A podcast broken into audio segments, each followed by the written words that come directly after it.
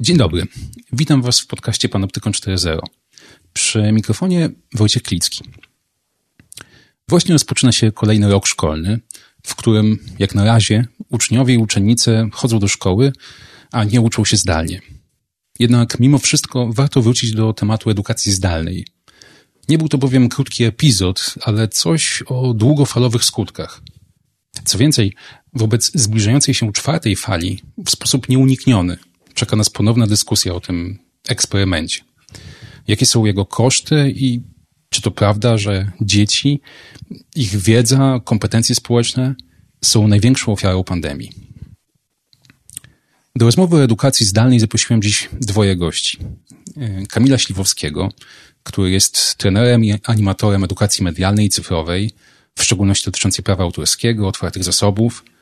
Od ponad dekady działa w ruchu na rzecz otwartych zasobów wiedzy i kultury, Creative Commons, prowadząc działania edukacyjne zarówno w Polsce, jak i międzynarodowo.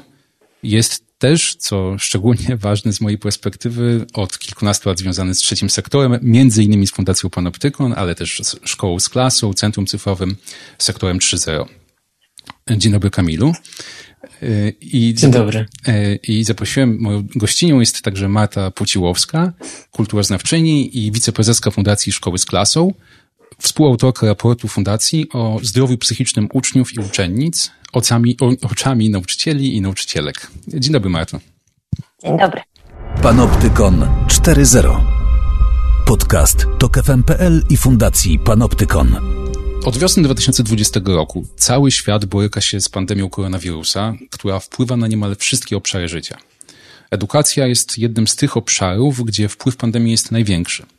Jak wynika z raportów UNESCO, większość władz na całym świecie tymczasowo zamknęła instytucje edukacyjne, próbując powstrzymać rozprzestrzenianie się COVID-a. W maju 2020 roku ponad miliard 700 milionów uczniów i uczennic było dotkniętych skutkami zamknięcia szkół w odpowiedzi na pandemię. Według UNICEF-u 153 kraje wdrażały wtedy zamykanie szkół w całym kraju, a 24 stosowało zamykanie szkół na szczeblu lokalnym. Wpłynęło to na prawie 99% światowej populacji uczniów. W maju 2020 roku, co jest dla mnie niewiarygodne, otwarte były szkoły raptem w 10 krajach podsumowanie, jak długo w Polsce szkoły były dotychczas zamknięte, nie jest proste. Zależy to od wieku uczniów, ponieważ inaczej traktowane były szkoły średnie, inaczej pierwszoklasiści i od województw, bo przez pewien czas szkoły zamykano regionalnie, w zależności od liczby zakażeń. Generalnie, próbując to jakoś podsumować, jedynie w ubiegłym roku szkolnym starsi uczniowie uczyli się zdalnie przez około 7 miesięcy, młodsi trochę krócej. Oczywiście nie da się zaprzeczyć temu, że pandemia, na którą edukacja zdalna była odpowiedzią, jest realnym problemem. Mam jednak wrażenie, że szukając odpowiedzi na nią, decydenci uznali, że skoro mamy technologię zdalnej pracy, telekonferencje, to trzeba ją do czegoś wykorzystać. I w pierwszej kolejności przetestowano ją na, na dzieciach. Moim zdaniem, bez analizy skutków krótko i długofalowych, tej sytuacji. E, zaprosiłem Was dlatego i chciałem z Wami porozmawiać, dlatego że rodzice, z którymi mam kontakt, których e, dzieci chodzą do szkoły na różnych etapach, bardzo mocno narzekają na to, że edukacja zdalna to często fikcja, a najbardziej cierpią na niej kompetencje społeczne dzieci, które mm, odzwyczajają się od kontaktów z innymi ludźmi, nie uczą się współpracy, rozwiązywania konfliktów. I na początku chciałem Was spytać, jakie są Wasze refleksje po tych no, kilkunastu miesiącach edukacji zdalnej? Czy zgodzicie się z tą, może nieco prowokacyjną tezą, że dzieci i ich właśnie edukacja e, są największą ofiarą pandemii? Marto. Na pewno są ofiarą pandemii, czy największą nie wiem. Um, Myślę, że y, wiele już powiedziałeś i od wielu wątków, które poruszyłeś, można by zacząć. Może zacznę od tych społecznych. Rzeczywiście jest tak, że mm, pandemia, która zamknęła dzieci w domu, bardzo się odbiła na ich zdrowiu psychicznym. Świadczy o tym chociażby to, że telefon zaufania Fundacji Dajemy Dzieciom Siłę urywał się w czasie pandemii. Tych e, zgłoszeń było wielokrotnie więcej. I my w Fundacji Szkoła z Klasą już na początku pandemii mm, mieliśmy taką intuicję, że mm, w ogóle temat relacji i dalej idąc zdrowia psychicznego będzie istotny. I dlatego zaczęliśmy się temu przyglądać i chcieliśmy zapytać nauczycieli i nauczycielki, czy oni w ogóle są gotowi na przyjęcie tego impaktu, e, ale czy też e, byli gotowi już wcześniej, a tym bardziej, czy będą gotowi w takim zapośredniczonym, w takiej zapośredniczonej formule reagować na to, co, co będzie się działo z uczniami, uczniami uczennicami, czy będą potrafili odpowiadać na, na, ich, e, na ich potrzeby, czy, czy potrafią też reagować w sytuacji kryzysu. Zrobiliśmy raport, w którym zapytaliśmy ich właśnie o to, na ile oni się czują kompetentni. E, nie pytaliśmy tylko o pandemię, ale wiadomo było, że pandemia jakby będzie kluczowa, będzie najważniejsza i przez pryzmat pandemii oni będą o tym mówić. I, i, i, i zobaczyliśmy szkołę um, zagubionych nauczycieli i nauczycielek, którzy tak naprawdę nie rozumieją swojej roli w obliczu właśnie problemów w relacjach, problemów ze zdrowiem psychicznym, problemów z dobrostanem którzy nie rozumieją, gdzie mają reagować, a gdzie nie, gdzie mają sobie stawiać granice, jak mają tym uczniom pomagać wobec zjawisk, których sami często nie rozumieją. I, i, I to był jakiś taki jeden z najbardziej dojmujących dla nas wniosków, taka diagnoza szkoły, gdzie, gdzie nauczyciel nie wie do końca, jaka jest y, jego rola.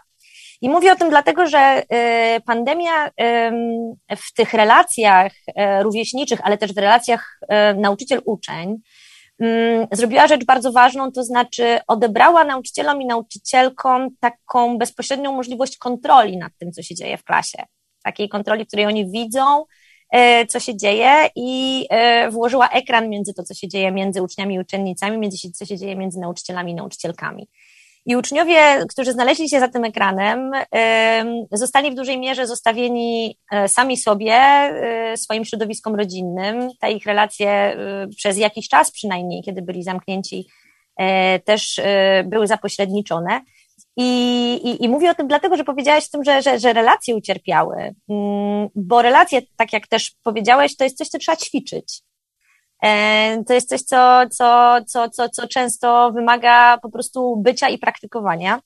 I nawet ci uczniowie, którzy gdzieś tam zniknęli i na początku e, mieli łatwiej, bo łatwiej im było w tym zapośredniczeniu funkcjonować, którzy są mniej istotami społecznymi, zaczęli te takie właśnie społeczne skille wytracać. No i to na pewno, to na pewno jest jedno. Przepraszam, że ci wejdę w słowo, Marto. Chciałem, bo jakby, może zadałem takie ogólne pytanie, ale teraz chciałbym je trochę uporządkować, bo powiedziałeś przed hmm? chwilą o tym, e, czy wyszłaś od tych e, problemów psychicznych, z jakimi się, z jakimi się dzieci mierzą, jakiego typu y, problemy oni zgłaszają. Bo potem chciałbym rzeczywiście wrócić do tego e, wątku związanego z kompetencjami społecznymi, ale może jeszcze troszeczkę pogłębmy ten wątek związany z mm, zdrowiem psychicznym.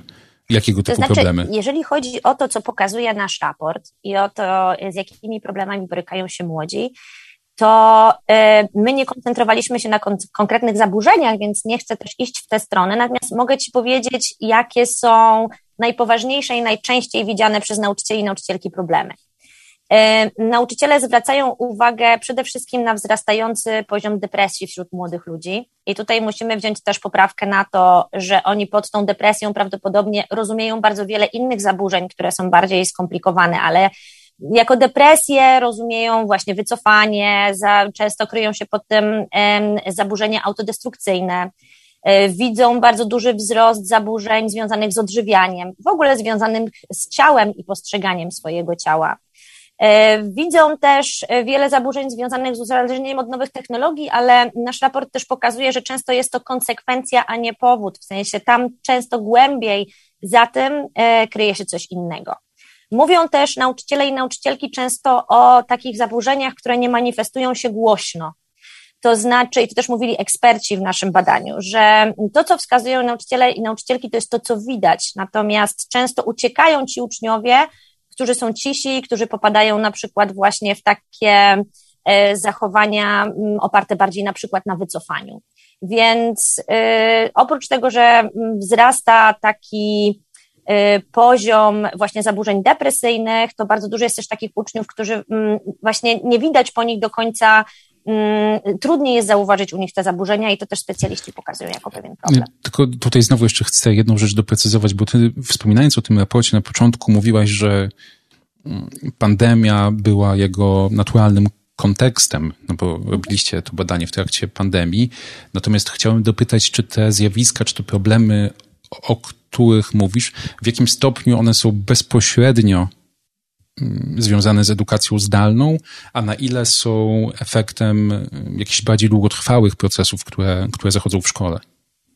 I tutaj ja być może. Teraz Kamil oddam ci głos, tak, być może tutaj właśnie tak... Kamil o, tej, o, tej, o tym, w jaki sposób ta zdalność wpływa na, na, na stan uczniów, mógłby powiedzieć. Ja tylko powiem jedno zdanie. Ja myślę, że pandemia to jest coś, co po prostu jak w soczewce pokazało wszystko to, co wcześniej tam było, i to po prostu z najciemniejszych kątów e, zaczęło wypełzać. I, no i pandemia tylko to podbiła, wzmocniła i pokazała nam, wyciągnęła na światło dzienne.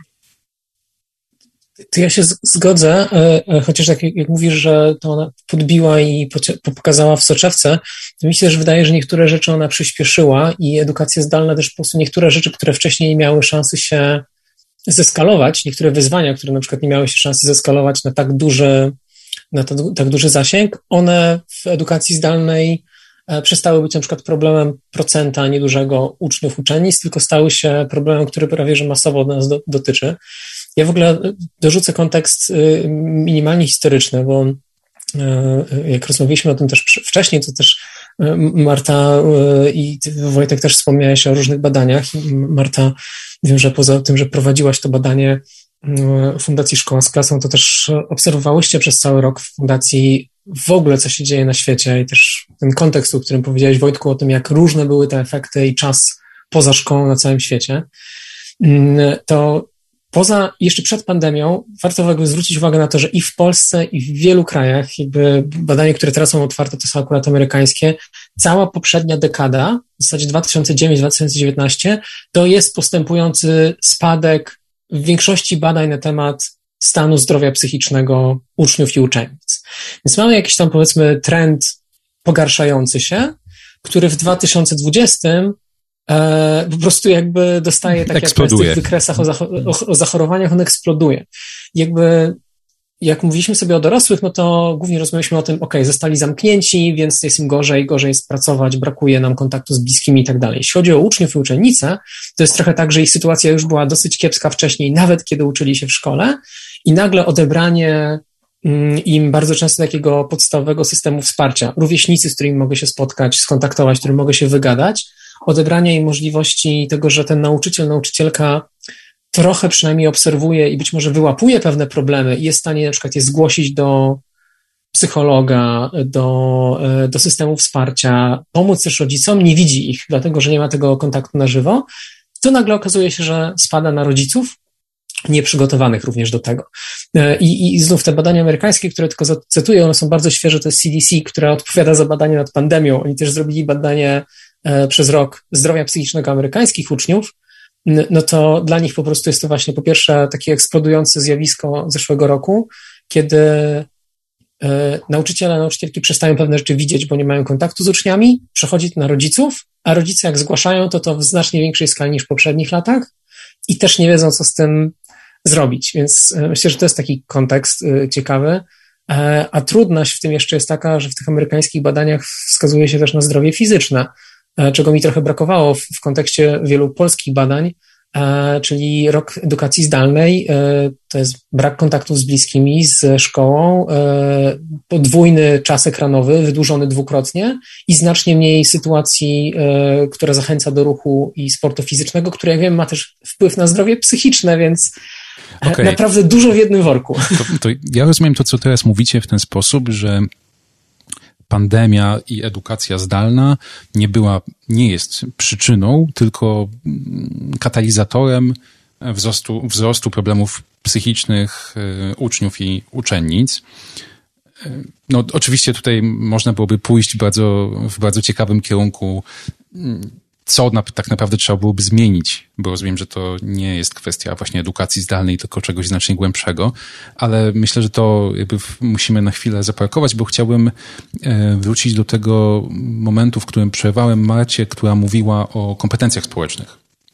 Czy tutaj i, i, i jakby problemie e, tego, że edukacja zdalna nie służy rozwijaniu kompetencji społecznych, czy tutaj, jeżeli chodzi o nie, jest tak samo? To znaczy, czy pandemia i edukacja zdalna tylko zwiększyły problem, czy w tym zakresie tym jedynym winnym e, jest pandemia i edukacja zdalna?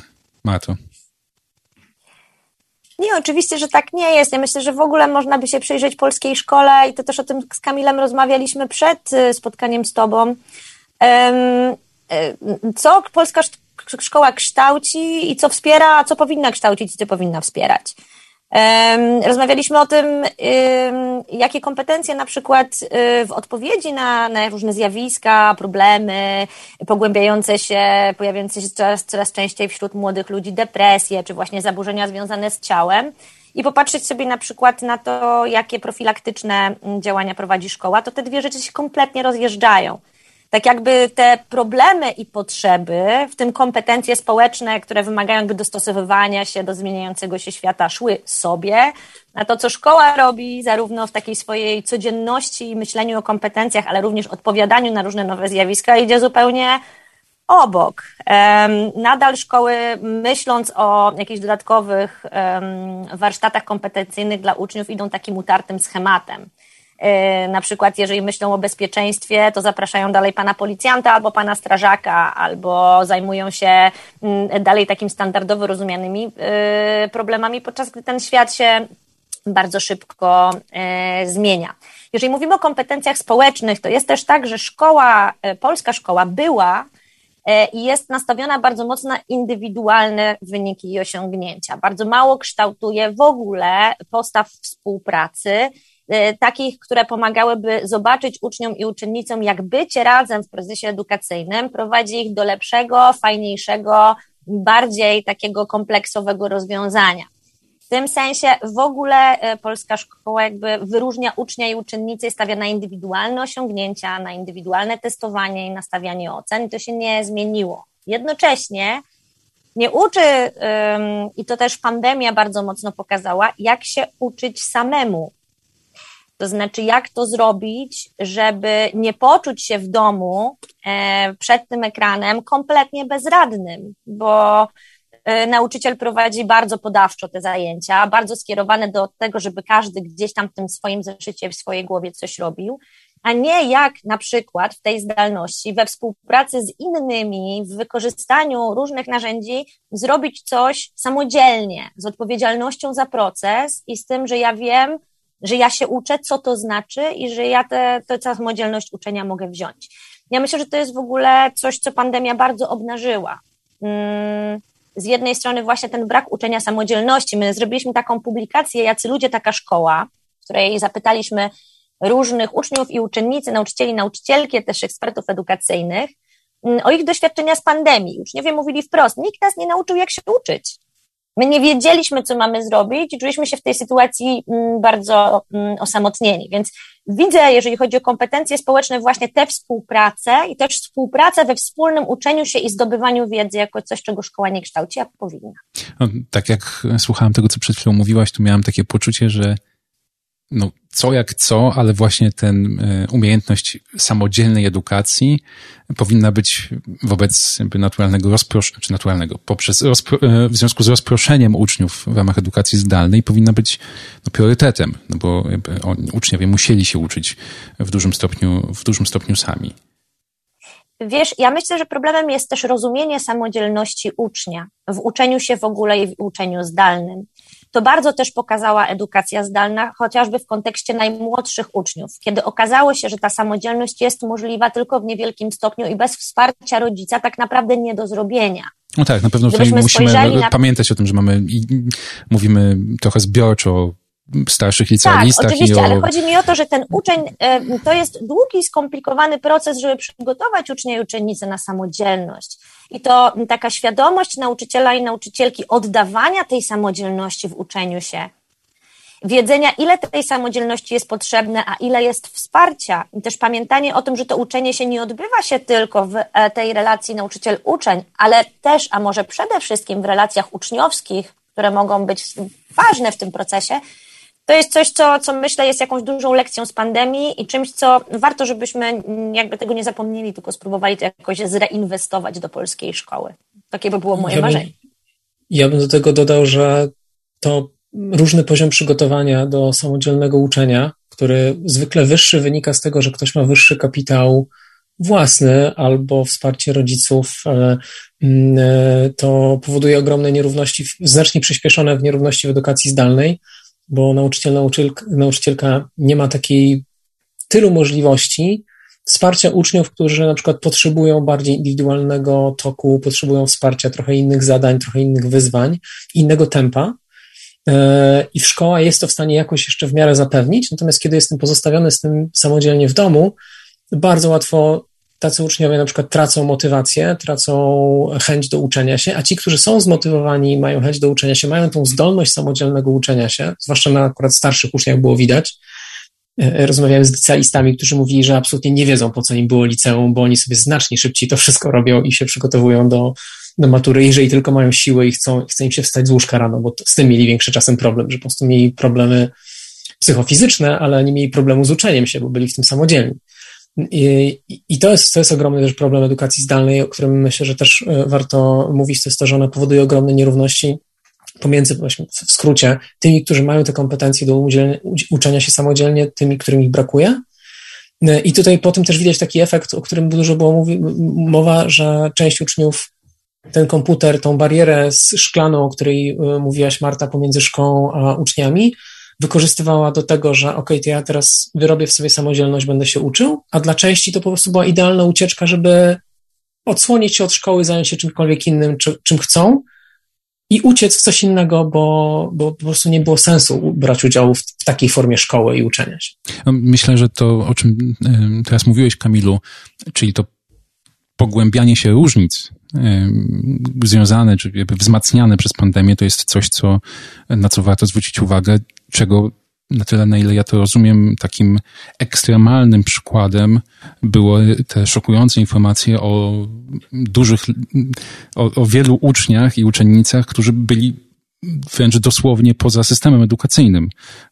Przygotowując się do rozmowy, widziałem badania Centrum Cyfrowego, które wskazywało na to, że 48% nauczycieli i nauczycielek y, ma jakby w swoich klasach, czy miało w swoich klasach ucznia bądź uczennicę, którzy po prostu zniknęli.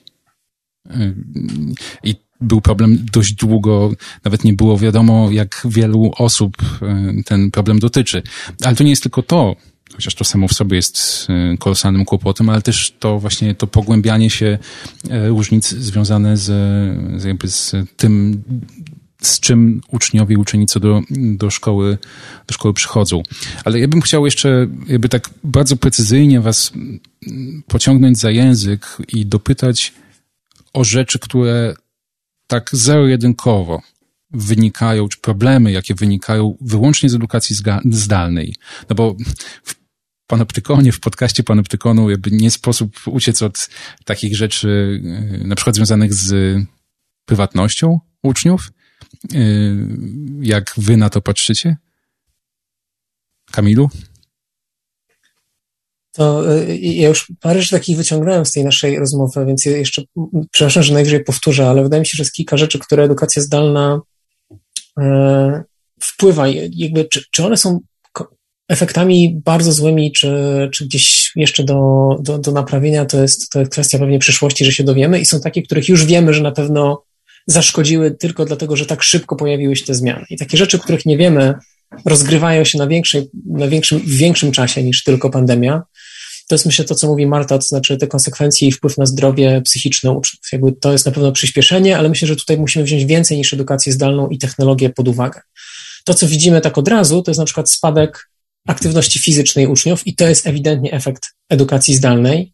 Wydłużenie czasu ekranowego to jest efekt edukacji zdalnej i to taki bardzo specyficzny, bo w ogóle jak go ocenić, jeżeli to jest czas ekranowy przed szkołą, tak, na Teamsie i na Classroomie, czy na czymś, czy na Zoomie.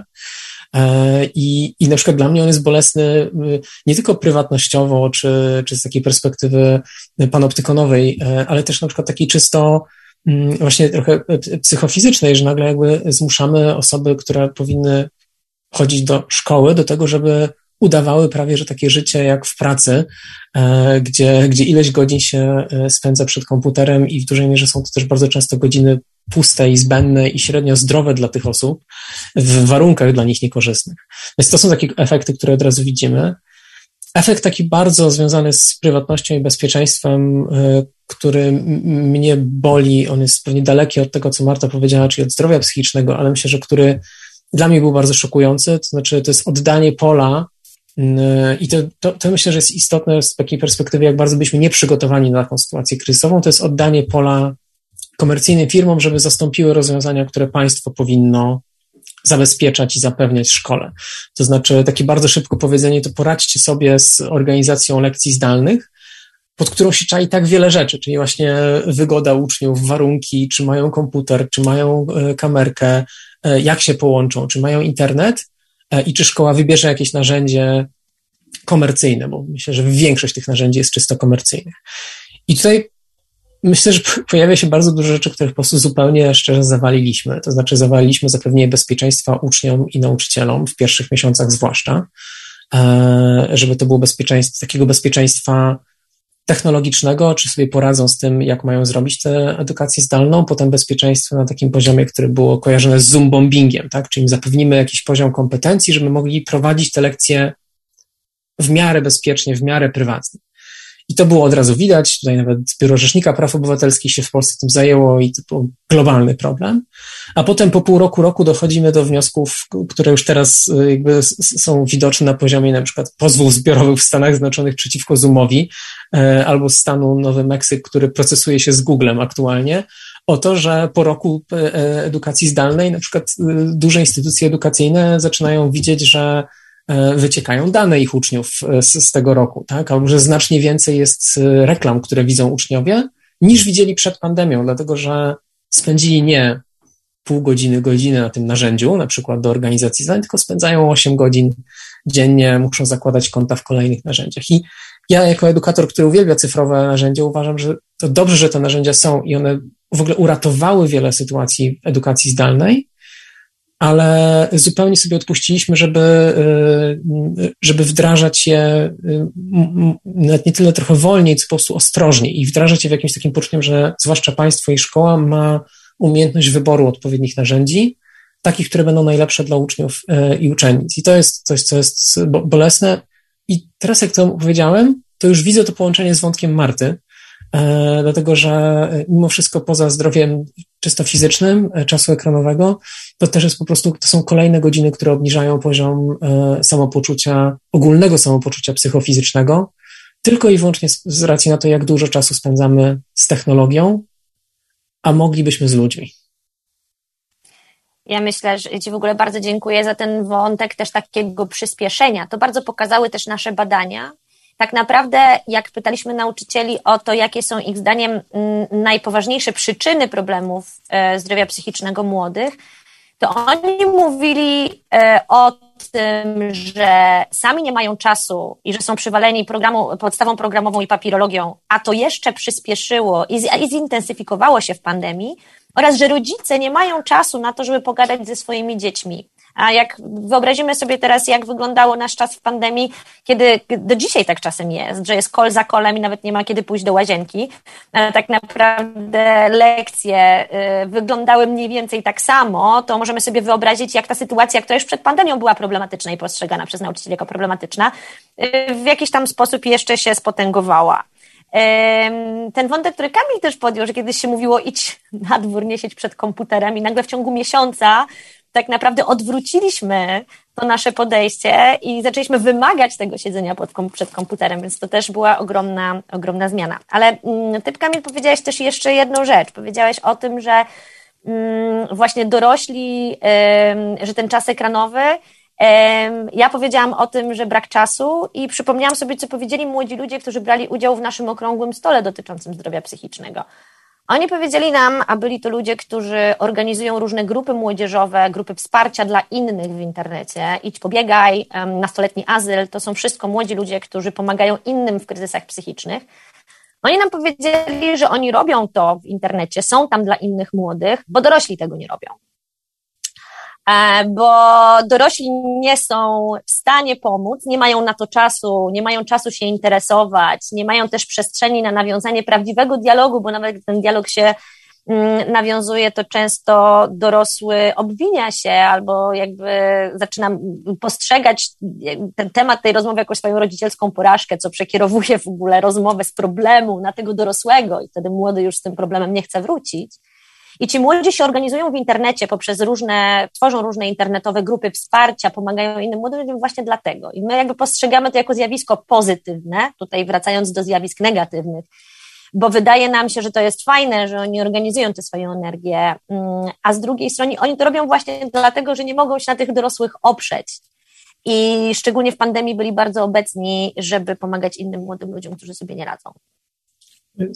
To mi, to, mi, to mi bardzo przychodzi na myśl to, jak, jak wiele problemów związanych z technologią e, e, się cieszymy się, jak ktoś wprowadza jakąś małą e, łatkę i próbuje coś naprawić, ale to niestety sprawia, że cały czas nie rozwiązujemy problemu podstaw, który na przykład jest brak tego wsparcia systemowego, brak systemu z, z, z, u, u dorosłych.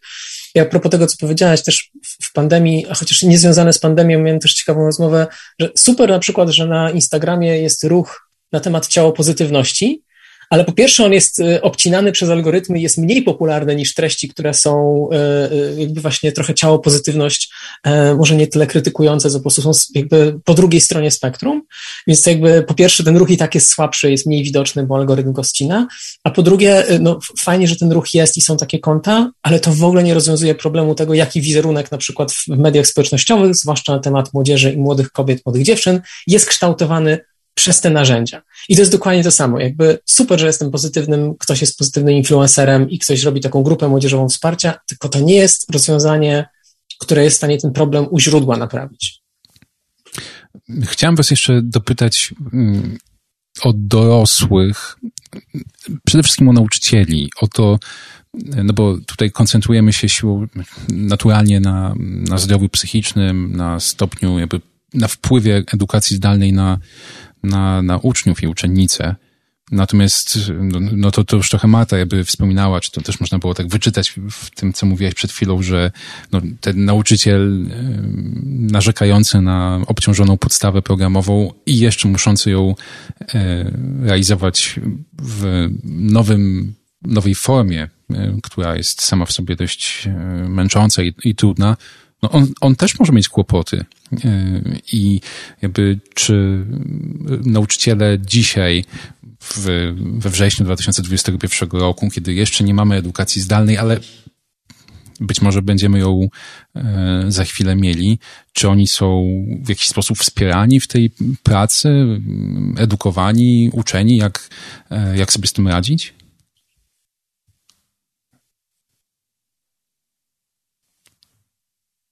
Czy pytasz teraz o to, jak sobie radzić ze swoim zdrowiem psychicznym? Tak, jak sobie radzić zarówno ze swoim zdrowiem psychicznym, jak i też no, z pracą w nowych okolicznościach, ale, e, ale o obie, oba wątki pytam.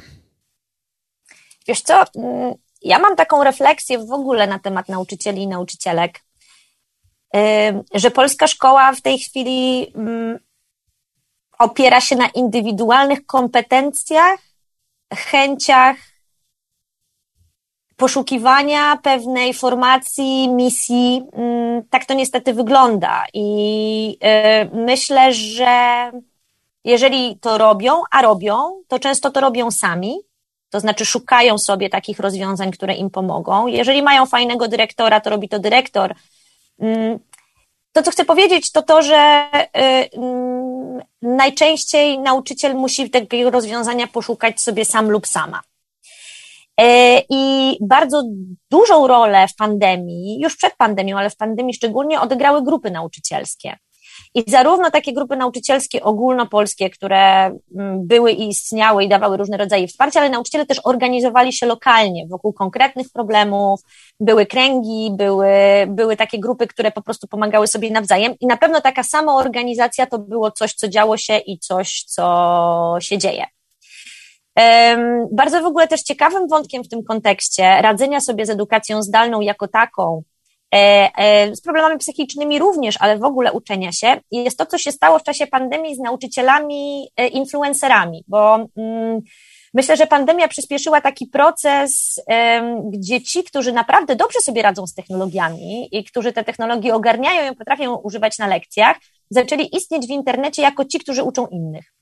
E, oni byli już wcześniej, ale pandemia naprawdę podbiła ten model i bardzo wielu jest po prostu takich nauczycieli, którzy istnieją i którzy po prostu zaczęli świetnie w tym internecie funkcjonować i od których e, inni nauczyciele uczą się i mogą się uczyć. Nie wiem, czy Kamil chciałbyś do tego kawałka coś dorzucić. Z, z, z, tym się całkowicie zgadzam. Tym się trochę martwię, że się za bardzo zgadzamy, ale um, to, to, było pewnie do przewidzenia. Natomiast. To błąd po mojej stronie w zaproszeniu gości, którzy się będą ze sobą zgadzać. Natomiast może nie tyle nie zgadzając się, co idąc nawet szerzej, to znaczy, bo tak jak ty mówisz teraz, Marta, o takich zjawiskach, które które są w tym wszystkim pozytywne i to jest jakby ewidentnie coś, co zadziałało, nawet przychodzi do głowy jak a propos tych grup nauczycielskich wsparcia, że to jest dosyć ciekawe i paradoksalne, że tego się nie udało zrobić na taką skalę, kiedy działo się fizycznie w szkole. Y, musielibyśmy, musieliśmy zostać zmuszeni do bycia w internecie, żeby grupy wsparcia na przykład się, żeby się pojawiły. To też a propos na przykład tych y, y, uczniów i uczennic, którzy się wspierają w internecie i tworzą grupy zdalnego wsparcia dla swoich rówieśników. I to jest jakiś tam pozytyw, taki, e, jakiś taki klasyczny wymiar internetu jeszcze sprzed mediów społecznościowych, czyli właśnie, że ludzie się łączą w grupę celową i znajdują sobie e, wspólne wartości, na przykład wokół jakiejś pomocy i wsparcia. I to, to jest pozytyw.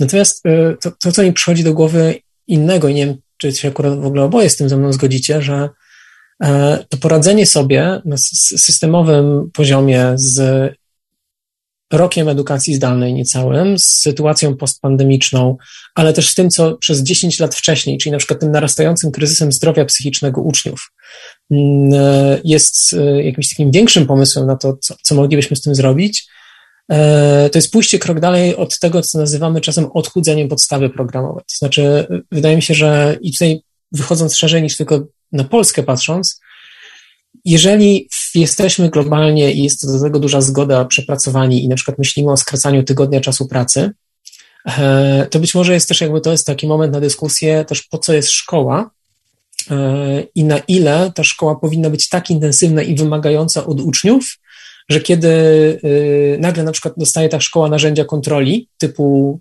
Zoom, Classroom i tak dalej, czyli że rozliczymy cię, czy jesteś na wszystkich lekcjach online, bo możemy nagle to zrobić. Nie masz za bardzo wyjścia, żeby nie, od, nie odbić tej karteczki, e, to czy nie jest tak, że po prostu technologia w tym momencie z już opresyjnego systemu, jakim jest fizyczna szkoła, zrobiła jeszcze bardziej opresyjny, a i nauczyciele, i uczniowie, i spora część uczniów wcale, i, i rodziców wcale nie czuje, że po to im właśnie ta szkoła jest. Że na przykład, że ta szkoła przecież miała uczyć, od czego Wojtek zaczął, kompetencji społecznych, na przykład jakichś takich umiejętności współpracy, radzenia sobie z tym, jak będę żył, czy znajdę szczęście w życiu. E, I, i, I to jest jakiś taki też efekt, którego dla mnie edukacja zdalna bardzo wzmocniła, że skupiliśmy się na uczeniu, takim bardzo precyzyjnym i efektywności uczenia tylko w, w, formie zdalnej, a nie na tym, co jest jakąś podstawą szkoły w XXI e, wieku. To, żebyście, żeby nie było tak, że wszyscy się zgadzamy, to ja się nie zgodzę z interpretacją tego, co mówiła Marta o tych grupach. Dla mnie to nie jest pozytywne. To znaczy, fajnie, że ludzie się potrafią ze sobą komunikować i to jest e, oczywiście y, świetna sytuacja. Natomiast robią to dlatego, że coś innego zawodzi. I w tym sensie ta, ta, ta, te drobne, pozytywne działania są symptomem negatywny, czegoś większego, głębszego problemu.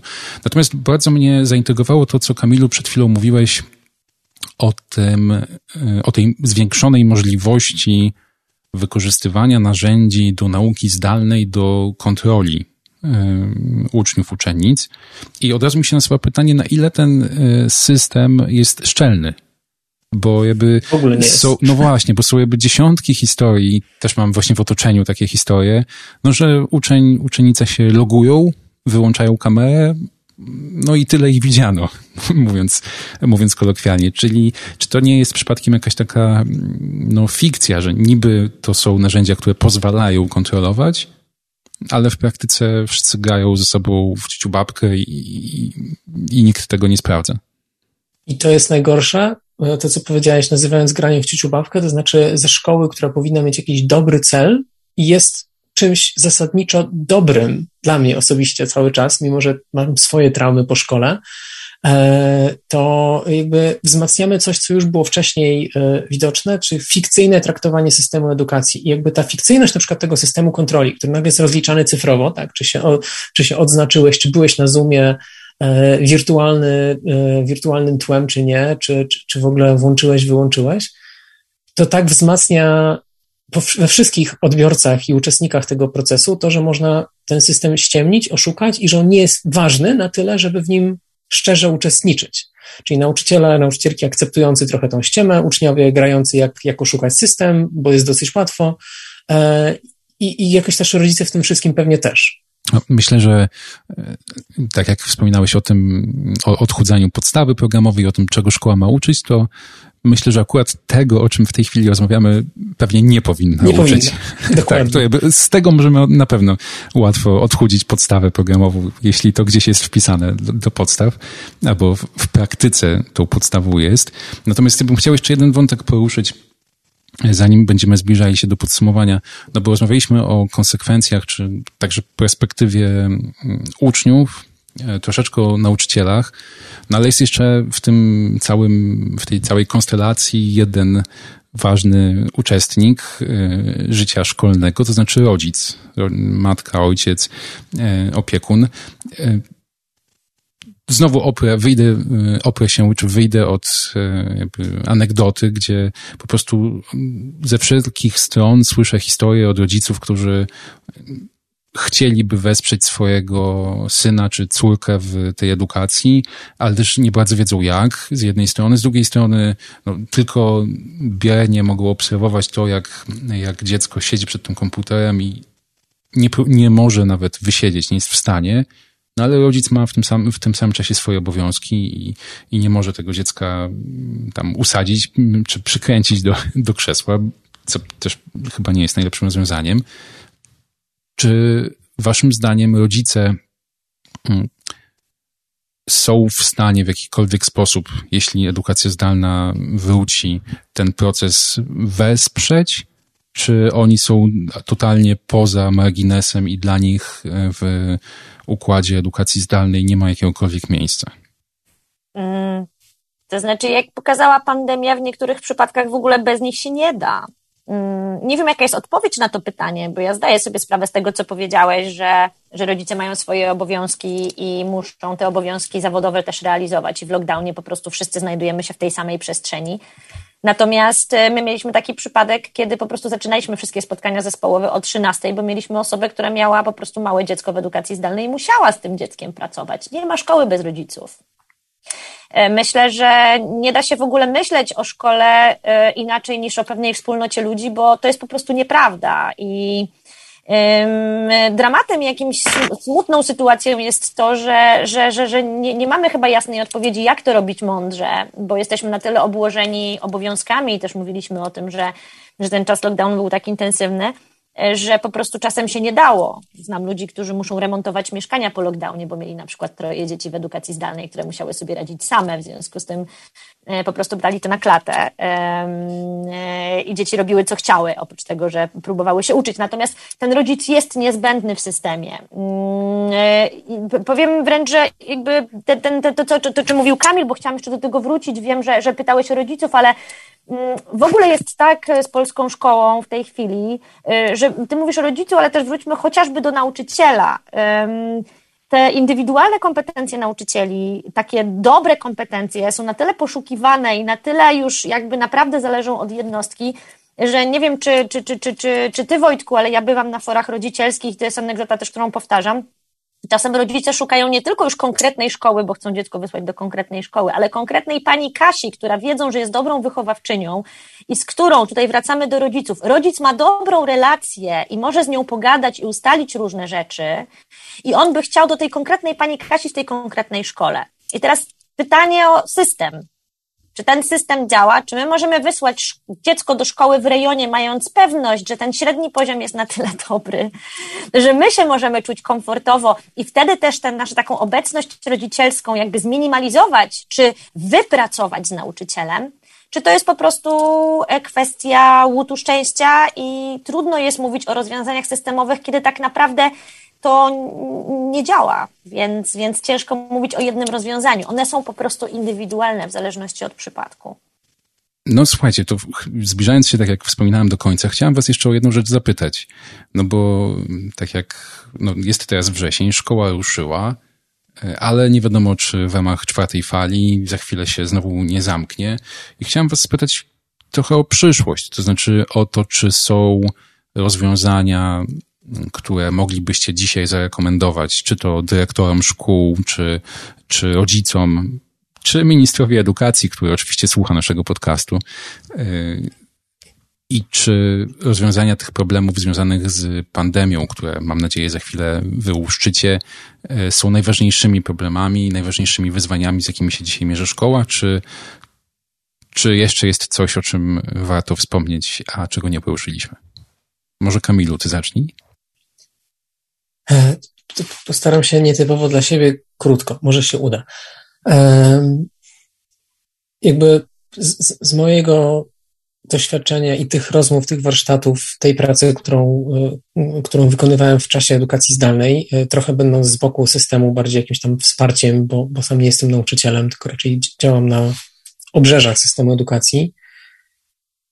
E, jedyną poradą, jaką bym miał, którą zresztą, na którą wpadli i podrzucały też dyrektorki i dyrektorzy szkół, w ramach systemu formalnego. Tam tylko, gdzie mamy wystarczająco swobody prawnej, formalnej i własne siły jako zespół, też w szkole, tam e, odpuszczajmy i redukujmy wszystkie rzeczy zbędne, e, żeby skupić się maksymalnie na tym krótszym czasie, mniejszej ilości zajęć, obowiązków, które są konieczne do wypełnienia, tak żeby nie robić niczego fikcyjnego. To znaczy, żeby nie spędzać fikcyjnego, w skrócie, żeby nie spędzać fikcyjnego czasu przed ekranem, jeśli jest to niepotrzebne, żeby nie spędzać mm, fikcyjnego czasu na formalnościach, e, kiedy moglibyśmy ten czas poświęcić na porozmawianie indywidualnie z e, uczniami, na przykład, żeby dopytać o to, jak się czują, E, zastępując ten brak relacji w szkole, tak, żeby być może zobaczyć coś, co się kroi, czai za, nie wiem, ich wycofaniem podczas lekcji, za, za brakiem odzywania się, albo za tym, że nagle właśnie mówią więcej z jakiegoś powodu i są bardziej aktywni, żeby po prostu skupić się na tych relacjach. E, I tak rozumiem odchudzanie szkoły w ramach systemu, to znaczy zredukowanie wszystkiego, co jest zbędne, żeby spełnić minimum, e, a zająć się, zająć się tym z jedną gwiazdką, już, już kończąc, e, wydaje mi się, że nadal nie można w tym zapominać, że celem szkoły jest nauka i ta dysproporcja, którą ten zeszły rok powoduje, czyli ogromny też spadek jakości edukacji i wyników uczniów, z którymi oni się będą borykać. Nie szkoła, nie nauczyciele, to ci uczniowie będą mieli te braki za chwilę podczas kolejnych egzaminów, e, idąc na studia czy, czy w pracy, kiedy pracodawca będzie wściekły na to, że szkoła nie nauczyła jakiegoś pokolenia czegoś, co jest mu potrzebne. Mm, to myślę, że nadal powinniśmy być na to, na to też wyczuleni e, i nie próbować tego łatać, natomiast e, myślę, że na to nie ma, nie, ma, nie ma odpowiedzi, ale na pewno zmuszanie uczniów, żeby się uczyli tego fikcyjnie, e, przymusowo nie jest idealnym rozwiązaniem. Więc to, jest jedno, co wydaje mi się, że może i uczniom, i rodzicom, i nauczycielom pomóc poradzić sobie psychofizycznie z, z kolejnym rokiem, który może być w kratkę, jeśli chodzi o zamknięcie, otwarcie szkół. Ja bym do tego dorzuciła, e, bardzo się zgadzając niestety z tym, co Kamil powiedział, albo stety, żebyśmy pamiętali, że szkoła w zdalności, czy, czy, czy, czy szkoła właśnie taka zapośredniczona, to nie jest przeniesienie lekcji jeden do jednego. I że istnieją asynchroniczne metody pracy, które możemy stosować i możemy próbować uczyć i pracować tak, żeby uczniowie mogli poza ekranem, w innych miejscach, w innych momentach, bardziej dla siebie dogodnych, realizować różne zadania. To wymaga oczywiście dużego zaangażowania i przygotowania nauczyciela, ale że to nie jest tak, że jak przeniesiemy klasę przed ekran na 8 godzin, to wyjdzie tak samo jak w szkole, bo to jest inna rzeczywistość. Więc ja myślę, że taka refleksja, to jest to, co Kamil tak naprawdę powiedział, to odchudzanie, to jest też myślenie o tym, że to jest inaczej i co w związku z tym możemy wyciąć i zmodyfikować, żeby to było bardziej e, dopasowane do rzeczywistości i do naszych możliwości też bycia właśnie między innymi przed ekranem. Ja myślę, że odwrócona lekcja to nie jest na to miejsce, ale to też jest taka metoda, która właśnie pozwala uczniom pracować gdzieś tam e, nie tylko przed ekranem e, przez cały czas. Natomiast druga rzecz, o której warto pamiętać, i to też jest gdzieś poszerzenie i nawiązanie do tego, co Kamil powiedział, to jest to, żebyśmy nie zapominali, że ci uczniowie, że to jest ich życie. Że my nie przygotowujemy ich do czegoś, co będzie, jak oni już skończą te maratony, które już zaczynają przypominać teraz korporacje. E, I to nie jest tak, że to jest jakiś okres wylęgania i oni wtedy są uczniami, uczennicami, a nie jakimiś ludźmi, tylko uczniami, uczennicami, czyli takimi pojęciami, które składają się wyłącznie z obowiązków, tylko że to są żywi, prawdziwi ludzie tam po drugiej stronie. Ja wiem, że to może jest banalny wniosek, ale taka jest prawda. Często jak się mówi uczeń, uczennica, to to się wiąże z tym, że muszę wykonać jakieś konkretne obowiązki. No, oni spędzają w szkole bardzo dużo czasu i oni tam żyją swoje życie i nie zapominajmy o tym. Wydaje mi się to szczególnie istotne. Ja też zachęcam do tego, żeby rzucić okiem na stronę SOS Edukacja. To jest e, taka inicjatywa, którą podjęły różne organizacje pozarządowe, które zajmują się edukacją w bardzo różnych dziedzinach i w bardzo różnych aspektach, które starały się osiągnąć efekt synergii i pokazać, co tu i teraz można zrobić, żeby te edukacje tam, gdzie Kamil powiedział, w tych miejscach, gdzie to jest możliwe, gdzie jest miejsce, gdzie jest przestrzeń, gdzie jest oddech, robić trochę inaczej w ramach istniejącego systemu. I zachęcam do tego, żeby na tę stronę zajrzeć. Tam między innymi jest właśnie tekst o zdrowiu psychicznym i jak nad nim pracować na co dzień, żeby, żeby to było w dzisiejszej szkole możliwe. Myślę, że niestety musimy skończyć w ten sposób, że wszyscy się ze sobą zgadzamy, bo mi nie pozostaje nic innego, jak poprzeć wnioski, które, które wyciągnęliście na, na przyszłość związane z edukacją zdalną. No i tym samym bardzo Wam dziękuję za rozmowę. W podcaście gościłem dzisiaj Martę Puciłowską i Kamila Śliwowskiego. Żegna się z Wami Wojciech Klicki i do usłyszenia w kolejnym odcinku podcastu Panoptykon 4.0. Technologie i człowiek. Człowiek i technologie. Gdzie na tym styku czekają na nas zagrożenia? Jak korzystać z technologii, by na nich skorzystać? Jak kontrolować, kto gromadzi o nas informacje i do czego ich używa? Z ekspertami i praktykami rozmawia Wojciech Klicki. Panoptykon 4.0 Podcast to KFM.pl i Fundacji Panoptykon.